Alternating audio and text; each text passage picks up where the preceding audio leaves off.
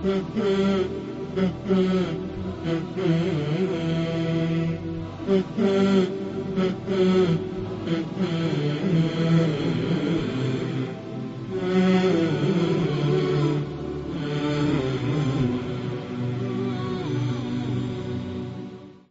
العالمين والصلاة والسلام على أشرف الأنبياء والمرسلين نبينا محمد وعلى آله وصحبه أجمعين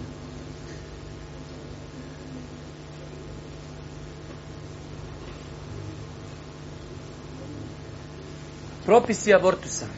Savremena pitanja. Najbitnije je zapam, braću moja draga, da u pogledu abortusa nakon što dijete oživi u utrobi majke, a to je nakon 120 dana, po konsenzusu učenjaka haram je urati abortus i abortus u tom periodu se smatra ve, znači veliki grijeh i ubijstvo. Abortu savremena pitanja. Znači, mnoga savremena pitanja ćemo danas govoriti.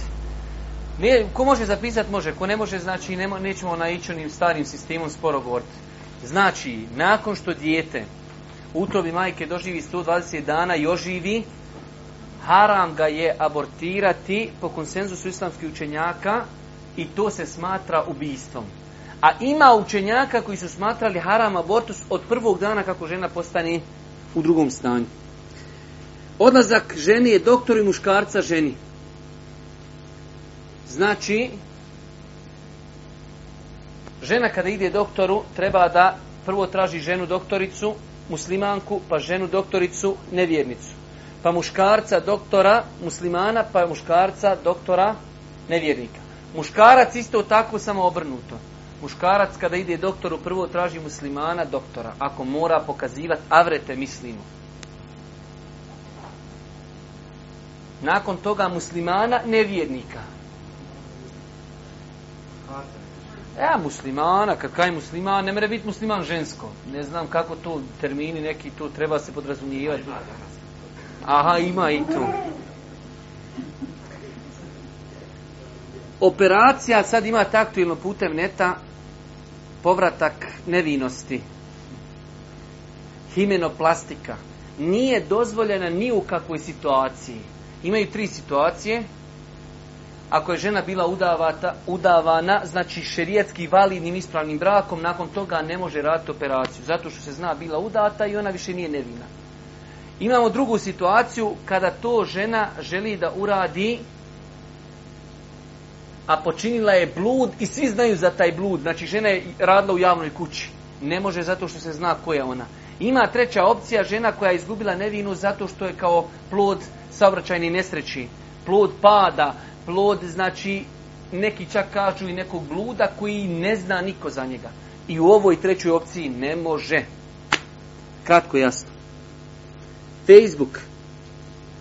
Propis Facebooka je kao propis i mnogih drugih savremenih današnjih puteva komunikacije i tehnologije može biti pohvalan, može biti pokuđen, može biti haram. Shodno gdje i šta i kako ga čovjek koristi. Neko koga koristi u davi, poziva ljude u islam, može biti pohvalno. Onaj ko kontaktira sa ženama, dodi, doda, dodaje žene koji su propisno i nepropisno obučene u svoj profil, a, one mu, a on njima nije mahrem, znači to je haram i tako dalje. To znači, ne znam ako niste otede na goglu i samo upi, upitate go, šeha goglu. Šeh gogle, moramo li mi žene dodavati muškarci u profile i šeh ti kaže haram ne mene. Nema tu nikakve onaj filozofije. I tam ti šeh kaže fetvu o tome i preveo tezi će ledinu.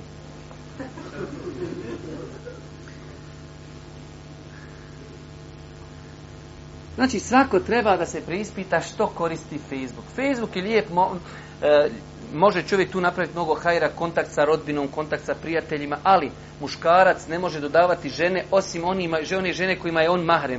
Žena ne može dodavati muškarce osim one koji su njoj mahremi. A da ne govorimo o momentu brat dodaje žene koji mu nisu mahrem i one još na plaži uslikale se u kostimu za kupanje napravio više harama. A da ne govorimo sad, evo, vjerujte, Ramazan je idealna prilika da se čovjek malo skini, da kaže mjesec dana gasim, da malo, malo odmorim, da sve moram znat u komšije koje je cipele kupio, gdje je otišao, kad mu je pukla guma, sve ide sad na Facebook. Tamam još da se ne izražava. Znači, režim nokte, evo me ljudi, režim nokte. Ha, hajde. Sve se slika, sve se zna na Facebooku. Sad je najlakše biti e, ova kontraobaveštajna služba. Samo sjedi kod kuće, sve ti ljudi kažu gdje su bili. Tišina zadnji red, tišina zadnji red. Uzimanje muževog prezima od strane žene nije dozvoljeno prilikom sklapanja braka da žena uzme muževo prezime. Svi hoćete da se ženite, eto da znate. Hvala Allahu, pa država to ne nameće ljudima. Znači, nije dozvoljeno ženi da uzme muževo prijezime prilikom sklapanja braka. Ako ćeš pitat, može li žena uzeti dva prijezmena, ne može. Et.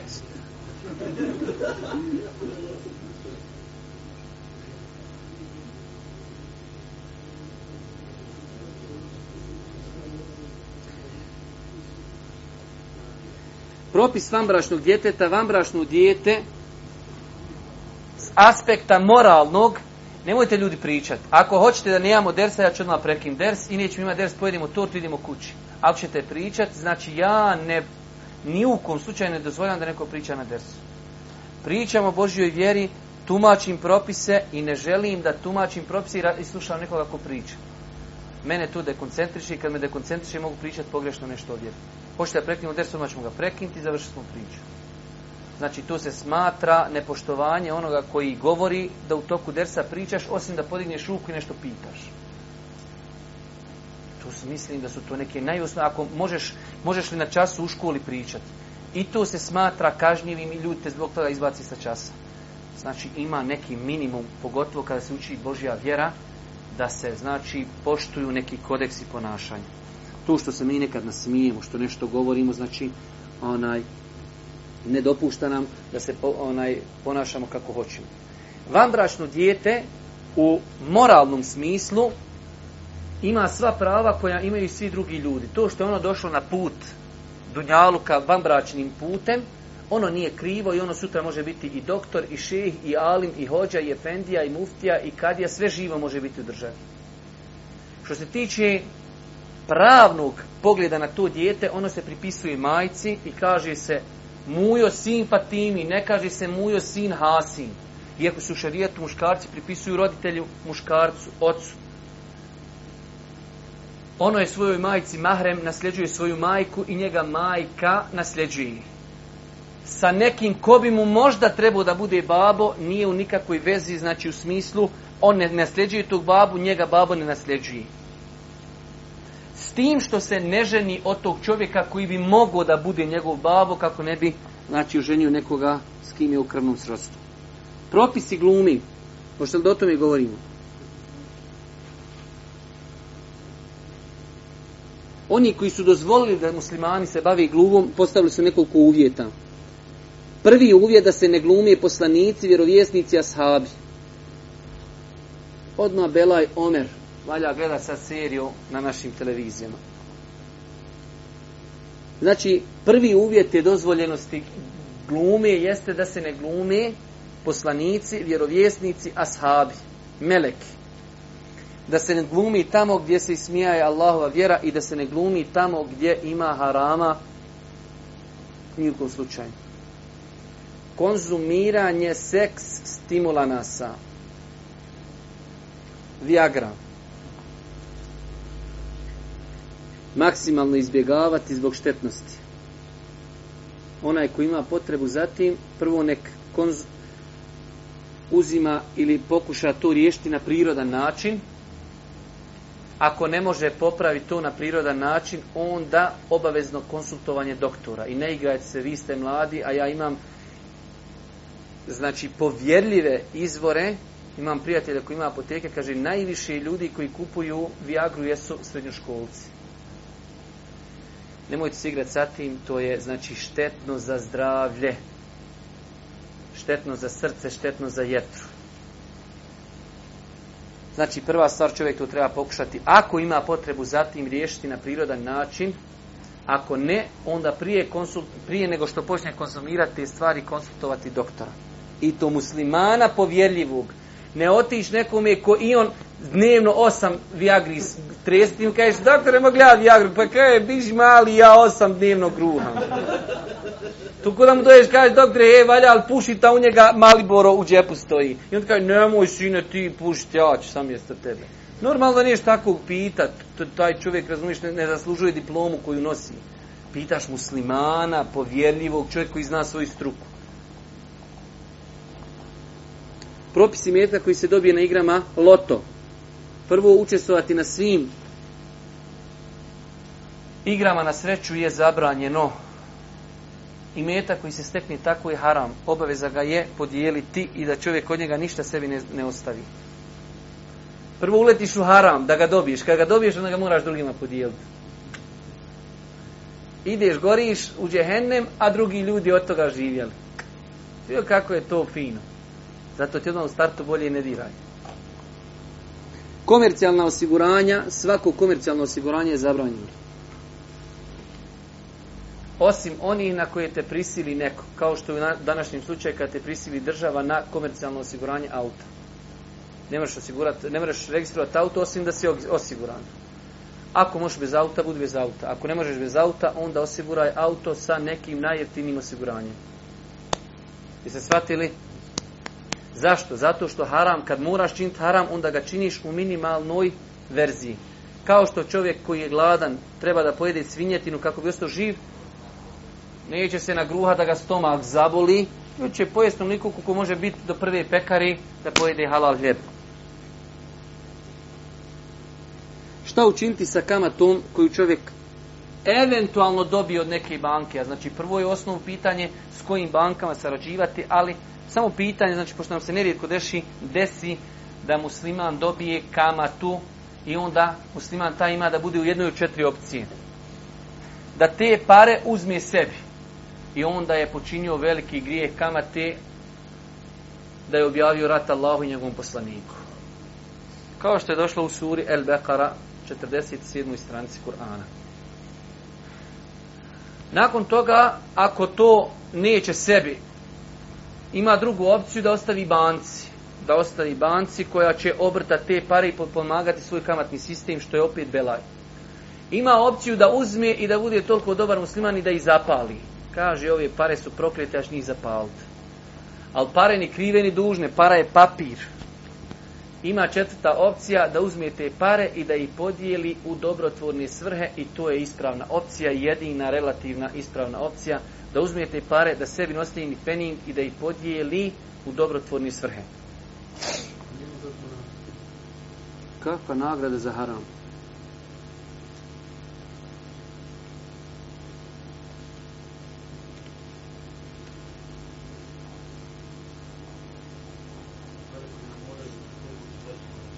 Ja.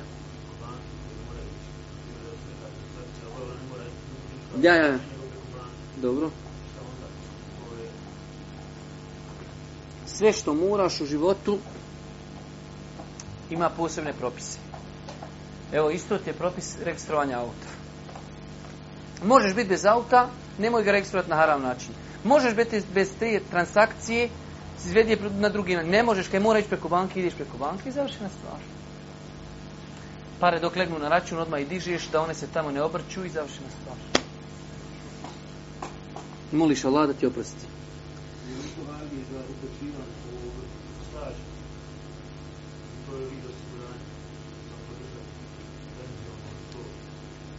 Nije to tu.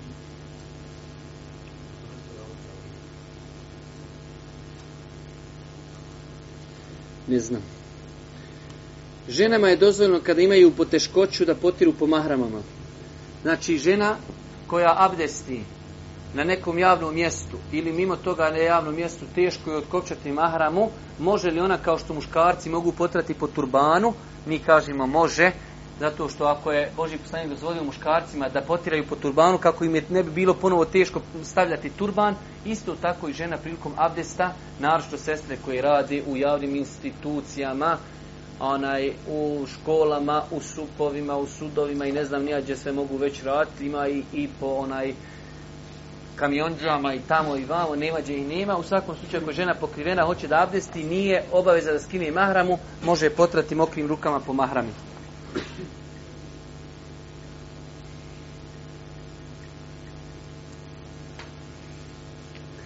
Ne postoji razlika u namazu između žene i muškarca.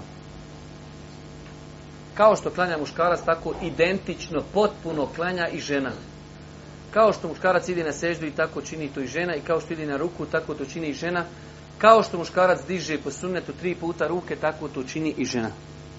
I kao što žena veži ruke na prsima, tako to radi i muškarac. Zamjena zlata starog za novo, ili novog za staro, kako bi bilo tako dobri ljudi da ode novo zvin za staro greška koja se dešava dosta puta jeste da čovjek ima staru zlatu.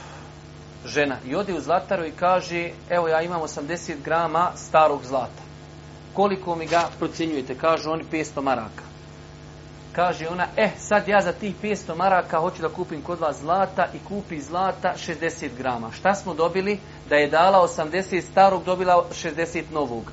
A zlato u šerijat se može prodavati samo isto za isto iz ruke u ruku to je ispravno, jedina verzija da kažeš ja imam 100 grama zlata, hoćeš mi ti da 100 grama zlata, hoću. Daj mi, evo ti, to tako može. Drugačije ne može ako ćeš zlato za zlato. U ovom slučaju, ako žena odi i kaže ja imam 80 grama starog zlata, koliko mi ga procenjujete, 500 maraka, daj mi 60 grama novog zlata, upala je u kamatu, jer je prodala 80 za 60. Pa će neko kažet, pa dobro, kakav je to vaš šerijat, hoće da ti neko dadni 80 grama starog zlata za 60 za 80 novog. To nema nigdje i nema nigdje normalna stvar, ali mi kažemo ovako. Dođi u zlataru i kaže imamo 80 grama starog zlata. Hoćete li kupiti? Hoćemo. Daj mi pare koliko je 500 maraka. Uzme pare i stavi u džep. Ili drži u ruci. Kad uzme pare, onda kaže dajte mi sada vidim šta mogu kod vas kupiti. Kažu imate ovo i ovo. E, kupi onda za svoje pare. Ili odi u drugu zlataru. Ali da ne uzme pare, upala je u kamatu. Jeste shvatili? Treba li neko nešto ponovo pojasniti? Dakle, znači,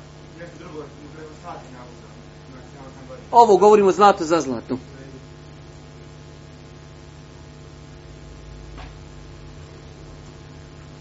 Čuvajte se sutra kada se po, pooženite. Žena treba kada nosi hijab, da nosi hijab onako kako je to precizirala islamska ulema. Pa primjer radi nerijetko nam se dešava da naša braća i sestre krši tu prekršaje. Braća krši se prekršaj zato što im žene takvo nose hijabe, a sestre krši prekršaj zato što one same to oblači. Hijab ženi treba da bude da pokriva cijelo tijelo. Šta znači cijelo tijelo? Sve osim šaka i lica. I to po pogledu lica postoji jako razilaženje. Svakako da sve četiri mezheba kažu da je sunnet da žena pokrije lice, ali kažu nije vađib. A jedan od ta četiri mezheba kaže da je vađib žena da nosi, e, da nosi nikab. Tako da kad vidite tamo po onim novinama i kad vidite kod onih neki kao navodno intelektualaca islamski koji su islam studirali na zapadu, onda oni kažu nikab nima nikakvog os utemeljenja u islamu, što je pokazatelj njihovog intelektualstva, jer da su pročitali samo jednu knjigu fikha, znali bi da U sve četiri mezheba, svi četiri, svi četiri mezheba kažu isla, u islamu postoji nešto što se zove nikab. I to je legitimna stvar, sunnet žena Božih poslanika. Ali je li vađi bil farz ili nije, to je razilaženje. Tako da znači nećemo govoriti o nikabu, već govorimo žena treba da pokrije svo tijelo, osim šaka, eventualno lica. Svakako je da je bolje i to, je, e, to su radile žene Božih poslanika, da žena nosi nikab, naročito u današnjem vremenu, vremenima smutnje, izazova, kada imate, imam Ševkani navodi konsenzus u Lemi, da kada nastupi teška vremena, vremena u kojima griješnici, jer birvaktile je bilo ljudi kad idu ulicom, svi hodaju i gledaju i preda se. Sad svi gledaju u žene. Kaže, kada dođu takva vremena, svim ženama je vađib nositi nikav i navodi konsenzus po tom pitanju. Znate šta znači reći konsenzus? Svi učenjaci su rekli tako. Osim neki učenjaka iz Bosni i Hercegovine koji uče islam na zapadu. Oni kažu nema utemeljenja nikav, nikako. Ne postoji nikav ismu, ime, nikav kaj nema u vjeri. Znači, to žena može maksimalno odbiti. Dalja stvar jeste da bude od gustog platna što jest da nije proziran. Naše sestre pokriju mahramu, prekoljete im vruće i onda vidiš koliki su uši volke ili su volšni. Znači, zato što je mahrama prozirna. Vidiš joj grudnjak ili crven ili je bijeli zato što je košlja prozirna. I tako svašta vidiš ako budeš puno gledu. Isto tako da hijab nije tijesan, što znači ni u kom obziru ne dolazi žena gore obučene ku tunikicu, pokrije stražnicu i dole obuče helanke. To ne dolazi u islamu nikak u obzir, makar ona tvrdila da je to hijab, to nije hijab. Znači hijab treba da bude širok, prostran, da ne oslikava dijelove tijela. Također da nije namirisan, da se njime ne oponašaju muškarci, to je da se ne nose hlače, da se ne nosi helanke i tako dalje. Postavlja se pitanje da li žena može nositi dvodijelni hijab? Može, ali pod ovim svim uvjetima. Znači da je to široka košulja, široka tunika koja će znači padati negdje do koljena i dole suknja. Nije obaveza da to bude jednodijelni džilbab, ali je bolje da bude jednodijelni džilbab, ali ona sestra koja bi radila u školi ili negdje bila zapoštena na drugom mjestu, doktorica neka, kad bi imali mi doktorica muslimanki, naši praktikanak ta vjeri, onda može inša da nosi dvodijelni hijab. Rukovanje sa ženama koje nisu mahreni. Eš, kućeš sa to, čovječ. Opet sve po nama omladini.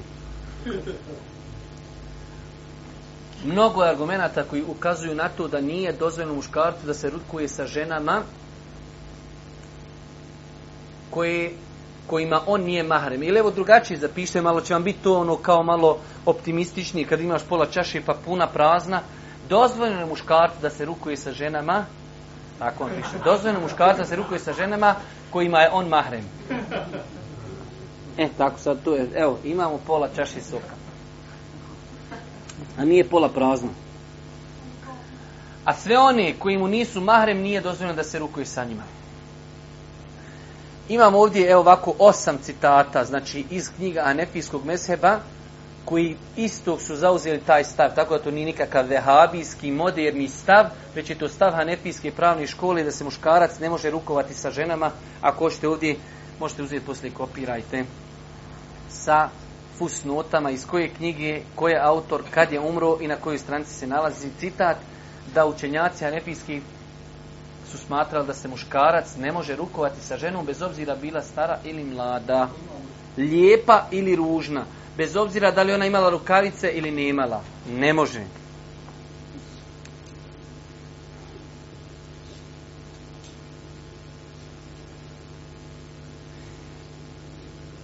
Miraz ženi, vi možete biti nekome brat, znači da imate sestru, treba da znate da u islamu čovjek koji umri i za sebe i ostavi mušku i žensku djecu ženama pripada duplo manje nego muškarcima. Ili drugim riječima rečeno muškarac uzima dva puta kao žena. To je Allahova pravda iznad sedam nebesa i ne smijete nijednog momenta posumnjati da je to hak i istina i pravda. Jer ta vaša sestra sutra će se udati i ode sa tim razom i ona ništa. Ima para u novčaniku, a ti kao muško trebaš se oženiti, trebaš školovati ženu i djecu i graditi kuću i kupiti auto, ona se uda i sve joj to čovjek mora kupiti. I opet dobila pola od onoga što si ti dobio. A ti dobio samo dva puta više od nje, a sve te to u životu čeka. Nju ništa ne čeka, ona se uda i sam novčanik sa sobom ponese i ode. I sve joj čovjek mora kupi, sve živo. A ona sam nakon troši kupuje sebi na, naušnice, montirače, bakarače i ostalo.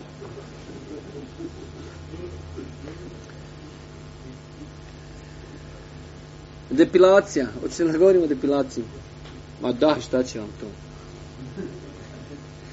Tri su vrste dlaka na ljudskom tijelu. Dlake koje je zabrajeno brijati kao što je brada.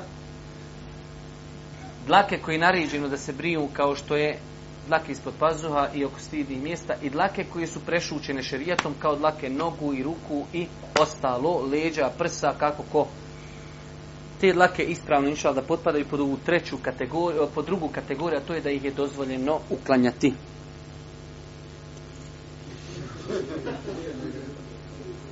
Masturbiranje, onanisanje, po većini islamskih učenjaka zabranjeno.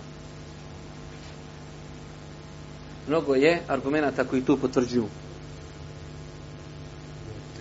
Savjeti onima koji je Allah iskušao sa tom bolešću, prvo da se ženi, drugo da malo pripazi na hranu, da se klonu energi drinkova, kikirikija, rumašica i ostali stvari koje bi mogle da utiču pozitivno na njihove vremenske promjene. Udaljenost od svega što pobuđuje strasti, društvo, hodanja, korzo, sjelo, uh, na nekim ljetnim baštama gdje pred, ispred tebe za tri minute 800 žena prođe i svaka nosi minjak. Znači, bježati od takvih mjesta, ići malo gor na Igman, gdje vidiš samo jelika, to je jedinu žensko koju možeš vidjeti.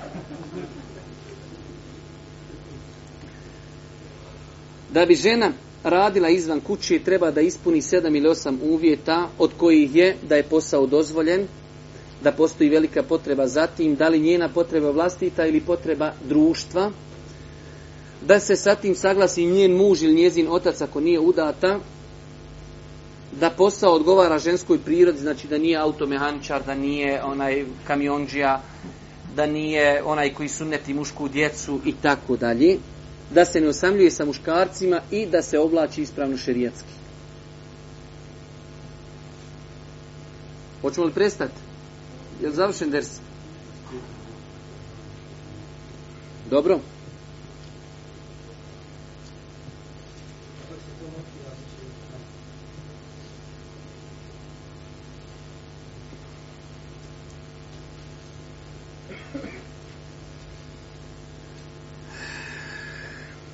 Čovjek koji želi da se ženi, dozvoljeno mu je da vidi ženu koja, koja bi trebala da bude njegova žena. Šta to znači? To znači da je dozvoljeno da ode na vrata čovjeka čiju čerku hoće da ženi i kaže selam alik, alik selam. Ja sam došao, želim da prosim vašu čerku, a kod nas muslimana bi trebalo da bude i kad muškarac dođe muškarcu, oni sjede u jednoj sobi, a žene sjede u sobi, drugoj. I onda on kaže, eh, ja sam došao, prosim vašu čerku i volio bi da je prije toga vidim, da malo porazgovaramo, da se upoznamo. I onda babo ode tamo čerki i kaže, čeri, hajde lijepo se pokri, fino, bez šminkanja, bez mirisanja, bez ičega, bez utezanja, bez išta, obuci fin, širok čilbav. Došao jedan prostar, želi da te vidi i onda njih dvoje se vide i malo porazgovaraju da vide jesu li jedno za drugo za brak. Što znači, to se podrazumija da ima pravo da je vidi kako neki babo ne bi bio veliki musliman, pa kaže, gdje ćeš vidjeti ti moju čirku i poslije sa njom kad sjedneš 10 minuta ti kažeš ona se meni ne sviđa. E, baš to. Hoću da je vidim da se ne bi desilo da mi se ne sviđa. Hoću da je vidim i da znam ko je i šta je da sa njom porazgovaram, da vidimo jesmo li jedno za drugo u braku. Čovjek kada ode prositi ženu, ima pravo da vidi njene ruke, opet šake i lice, ništa više. Ne smije joj kazati da je skini mahranu i kakva ti je kosa znači ono što je bitno da zna o njoj jeste kako joj je lice ili lijepa i kad joj vidi ruke, znači je li debela ili je mršava, znači ako su i ruke ko hljepčići, ona je debela, ako su i prsti duguljasti, onda je mršava. Eto. To do sad niste znali. Kako to niste znali? U većini slučajeva sestra koja je debela, u nje su i debele ruke. Sestra koja je mršava dole, mršavi su i prsti, može klavir svirat, ali klavir nije mogu svirat. Ali je pojenta da ne smije tražiti od nje ništa više da vidi osim lica i šaka. Ima pravo da je gleda onog momenta kada bude odlučio da je prosi. U smislu da je zaista ozbiljno. Da izbjede i sad dole ode neki ahi fino sjedi dole u slastičarnu, i to dole ono baš na baš čaši gdje je najveća gužva i sjedni i svaku ženu gleda. Kad ga pitaš šta ti radi, pa ja gledam sada vidim ona, ja bi se trebao ženiti, pa sad ću jedno 600.000 pregledat. Pa koja mi se svidi, ja ću na nju možda prositi. Obrnuto treba. Znači kad čovjek odluči da će određenu ženu prositi, tada treba da je gleda. Znam da, onaj, da je to malo onaj nezgodno u današnjem vremenu, ali je tako. Isto tako prosidba kao prosidba ne ohalaljuje čovjeku ništa osim pogled. Što znači? Držanje za ruku no, x, mafi, nema. Poljubac, a a. Izlazak u kino, nikako. Šetnja, nikako. Sladoled zajedno, nikako. Ekskurzija, no, nikako. Nikako na mjesec nikako kod kuće da dođeš kod njenog babi i kažeš ja došao hađija ja bi se ženio i kaže on bujrum sjedi i on ti sjedni s njegovom čirkom da ste udaljeni da se ne dodirujete i razgovarate o ozbiljnim stvarima bez volim te voliš ti mene znam da te volim normalno razgovarate o onome šta želite u životu od svog budućeg supružnika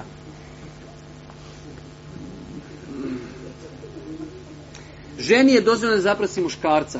Ili, drugim riječima kazano, roditelju djevojke je dozvoljeno da ponudi svoju čerku nekom je za brak. Normalno, to su danas kerameti, kad bi se nekom je to desilo. Ali je dozvoljeno. I treba oživljavati takvu stvar. Ja prvi planiram sutra među ovako svojim studentima, nekim finim, nekom je od studenta reći, slušaj, ja vidim da si ti normalan, pametan, razuman, lijep, ovako, onako, šta misliš da dođeš kod mene popiti kafu, da se upoznaš sa mojom čirkom, pa ako Allah da, da bude jedno zadrugo, da se uzmi. Ne sada sam ja izmislio neku toplu vodu, jer ja bolje mogu vidjeti šta mojoj čirki odgovara u prvom momentu nego ona. Ona je 16 godina, 17, 18 ili 19, nikad nije niski maškova, nikad niko nije pipnuo ništa. I sad ona dođe njoj neki prosac, I ona bi trebala da ga odaberi. Ne, prvo da vidi da te ja provučem kroz svoje ruke, Habibi. Da ti ja postavim nekoliko mat pitanja, da vidim kako razmišljaš dok li, na kojoj ste planeti, jesi na Zemlji, jesi na Veneri, jesi na Marsu, jesi po kojim planetama hodaš, jesi u podrumima, jesi na... Jesi, Kad prođeš moje parametre, eh, idemo dalje. Onda prođi parametre te fizičke, jeste li jedno za drugog. Ali ti ja malo vidim šta ti je ovdje, jer ti ovdje pilota, prašina, ili imaš normalan ljudski razum. Tako da to nije nikakva sramota i to je od vremena prijašnjih poslanika Musa, ali i selam, njegov punac Šuajb, neki kažu da je to Šuajb, je njemu došao i kaže, evo imam dvije čirke, oženčite se jednom čirkom. Ebu Bekr došao poslaniku, ponudio mu svoju čerku. Omer došao, prvo došao Omer Ebu Bekru. Došao Osmanu, pa došao je Bošim poslaniku, ponudio Hafsu, pa kad su onaj vidjeli da su jedno zadnog, pa se uzeli. Tako da onaj, to nije nikakva sramota.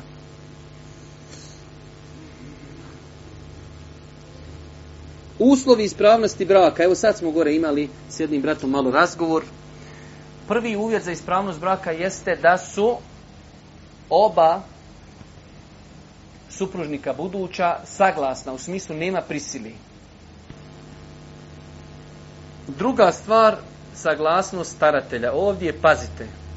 Neku noć smo u BKC-u malo duže o tom i pričali, dobro je da to poslušate. Velika je Allahova mudro što je propisao da se staratelj pita u braku. Tamo ti mojim muslimančićima reci nek tiši pričaju. Da i babo ne bi malo pred narodom kritikovu. Evo danas u tim životima virtuelnim upozna se neki vrat sa nekom sestrom, on je najveći oštopler koji postoji na planeti. Ali on zna fraze, on sa njom sestro, islam, musliman, sunnet, šerijat, tevhid, suze, krokodili, sve život je on, najveći musliman ona jadna za njim, to je muđahi, to je alim, ona ga je sve, elhamdulillah, jerhamu kella, džeza kella, hajr, ma sve ti, on ti je musliman, nema ga veći na planeti. I ona jadna, ma vodi me, nemaš kući, nemaš auta, nemaš nogu, nemaš glavi, bez ruku si, bez očiju si, ti si najbolji musliman na planeti. E zato ima staratelj. A, hodi vam, rođak, da ja vidim malo tvoje hard diskove. Na kojoj si ti frekvenciji? A, I zato znači nemoj da se igrate, Boži poslanik kaže, na e, brak sklopljen bez staratelja je neispravan. Znači nemojte se igrati, uzimati tuđu djecu bez dozvole staratelja. Na, takav brak je neispravan. A iza toga se kriju mnoge mudrosti. Ti odvedeš djevojku, nakon 15 dana je vratiš, ona nema kud babi, nema kud od babi. Nakon kad je babo dadni, babo zna šta je uradio i kaže, razumiješ, ha, ja znam ko je taj zet, ja stojim, može biti problem, može se opet desiti razvod braka. Ali to sve zna babo, nema ništa tajno. I zato tajni brak, no, nema, nema tajni brak. Staratelj, svadba, svjedoci, to je šerijatski brak neki tajni brak u studentskom domu, ne zna niko, zato sutra bula hoda trudna. Otkud bula trudna, čovjek šta je, ma kaj je ona je udata, ali to ne zna, samo znaju troje njih, dvoje sklopili, neđu nekoj magazi, upatli, potpisala se i to je to. Kakva bolan, pod magaza, kakva šta? Babo, bez babe ništa. Svjedoci, svadba, nek čitavo selo zna da je to, sutra kad vide bulu trudna, kaže, maša, lala, on dao beričet, to je validno dijete, ispravno, šerijatski. Nemoj da mislite čovjek udari ga malo u glavu, ja ima li kakva opcija, neđe u magazi, nas dvoje se potpišemo, ne zna niko. Ima mnogo toga, sutra kad je razvedeš, ona dođe kući, dođe neko prosit, kaže, babo, bojrum, kao, bila udavata, kako što ne bila udavata? Pa bila udavata, gore, neđe u domu, u magazi se nekoj sakrali, razumiješ, ko miševi i tako. Zato se ne igrate. Uvjet validnosti braka je staratelj. Nema braka bez starateljstva. Ima onaj drugi problem, ali vama neću da ga govorim, zato što ćete vi odmah shvatiti da su sva pitanja takva. Kako riješiti problem kad staratelj ne da djevojci? Ali to kad dođete dotle, onda tada nazovete nekoga. Ali u osnovaj ne može bez staratelja.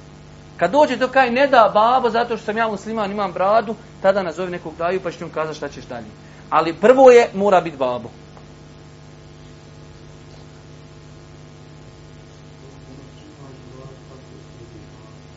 Molim? Nije Boga mi, nije Boga mi. Ja otišao kod, ošao kod čovjeka koji ne klanja nikako. Pokucao mu na vrata i to prije 12 godina, ovako kako mi sad vidiš. Selam alik, alik selam hađija, kako si, dobro sam, ja sam došao, ona tvoja, tako imeju i tako, pošto ima više čerki tu i tu, ja i se ona dogovorili, mi bi se uzeli, jesu se govorili, Allah vam dao svako dobro, nek vam bude sasrećom sutra da vodi, hoću da vas potpišemo, da vas venčamo i završena stvar. Najlakše je reći, neće mi dati oni va... Otiđi pokušaj. Kad vidiš da su te izbacili, izbili te, ma ljudi, evo vjerujte mi, sad mi brat priča. Kaže, ja sam mislio da će me punat zaklat minimalno kad modim. Ja došao čovjek, sam što me nije, kaže, pošao nosat u oblacima. Ma draga djeco, nek vam je sasrećo, nek ste živi, zdravi, ništa. Znači, tvoje da odiš, da pokušaš. Ne damo zato što si vehabija. Dobro, sad imamo druge metode kako se to rješava. Ali tvoje je prvo da pitaš i da tražiš dozvod. Koga smijete žent, koga ne smijete, to je duga procedura. Onaj, nijemo vremena za to pojašnjavati. Ali ono pravilo naše što ima po našim onaj, kod ljudi, tamo neko 16. kolno, ne smije se žen, to je neispravno do bula.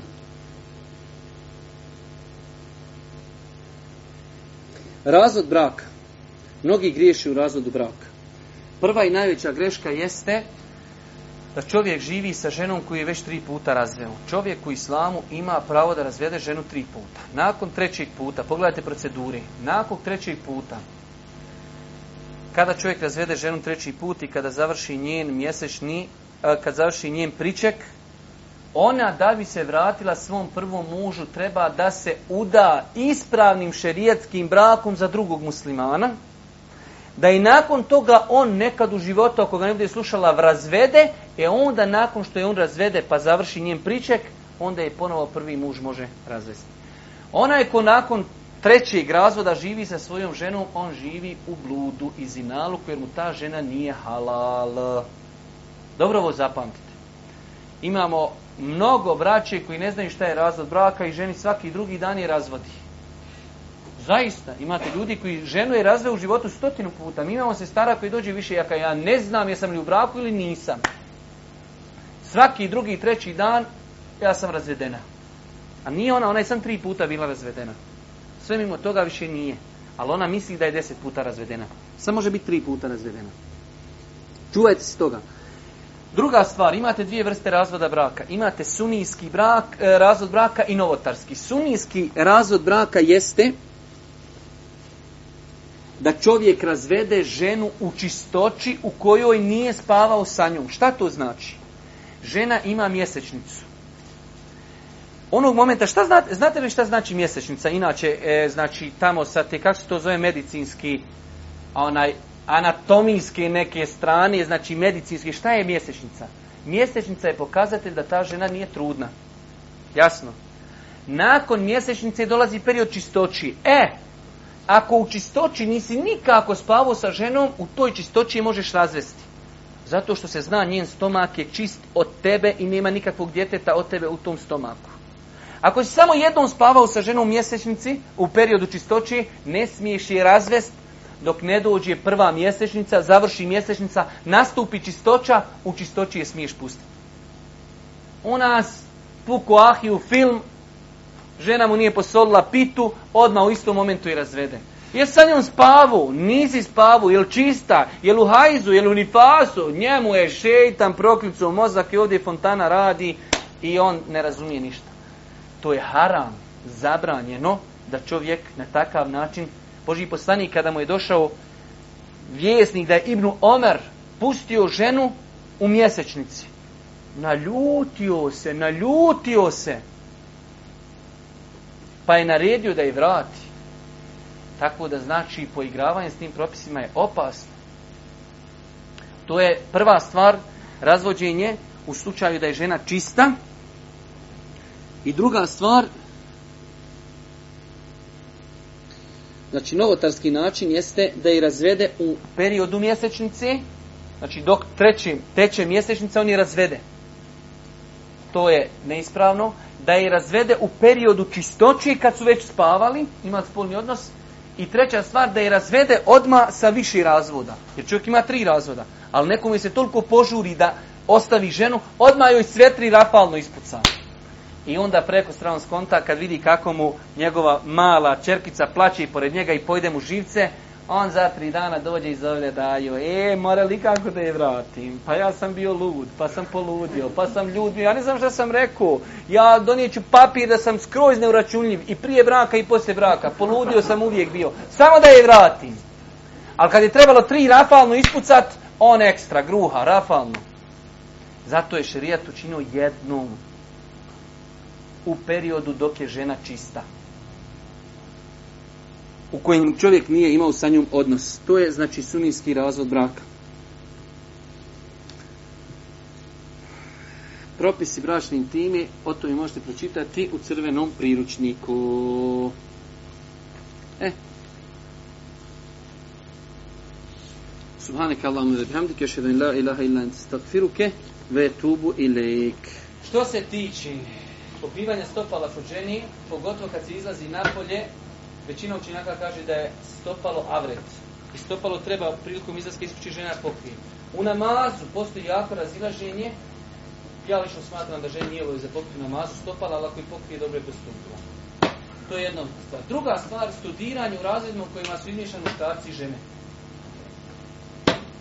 Znači, više se to odnosi na žene, ali i na muškarce isto negdje da muškara studira ginekologiju, pa da bude ginekolog. Znači, čovjek ako će studirati u razredu koji je pomiješan, treba da ispuni sljedeće uvjete. Prvo, da je ta struka koja se, koju je upisao da je potrebna. Druga stvar, ako je u pitanju žena da se ne miješa s muškarcima osim što je potrebno i obrnuto. Znači, žena kada je u razredu ili muškarac kada je u razredu sa ženama, da svodi sve kontakte sa suprotnim spolom na minimum. Treća stvar, kad vidi da mu je pošao iman curit dole ko sagoreno ulje na karter, onda ispisuje školu jer mu je vjera preća od školi. Znači da prati svoje stanje imansko, ako mu počne dola šetan, kaže, jeste ona kolegica tamo ko avion napucana, ja bi počeo možda pratiti da vidim gdje je kuća pa da vidim da popijemo zajedno kapu. On je znači prolupo, treba mu generalka, ta generalka se zove popravljanje imanskog stanja.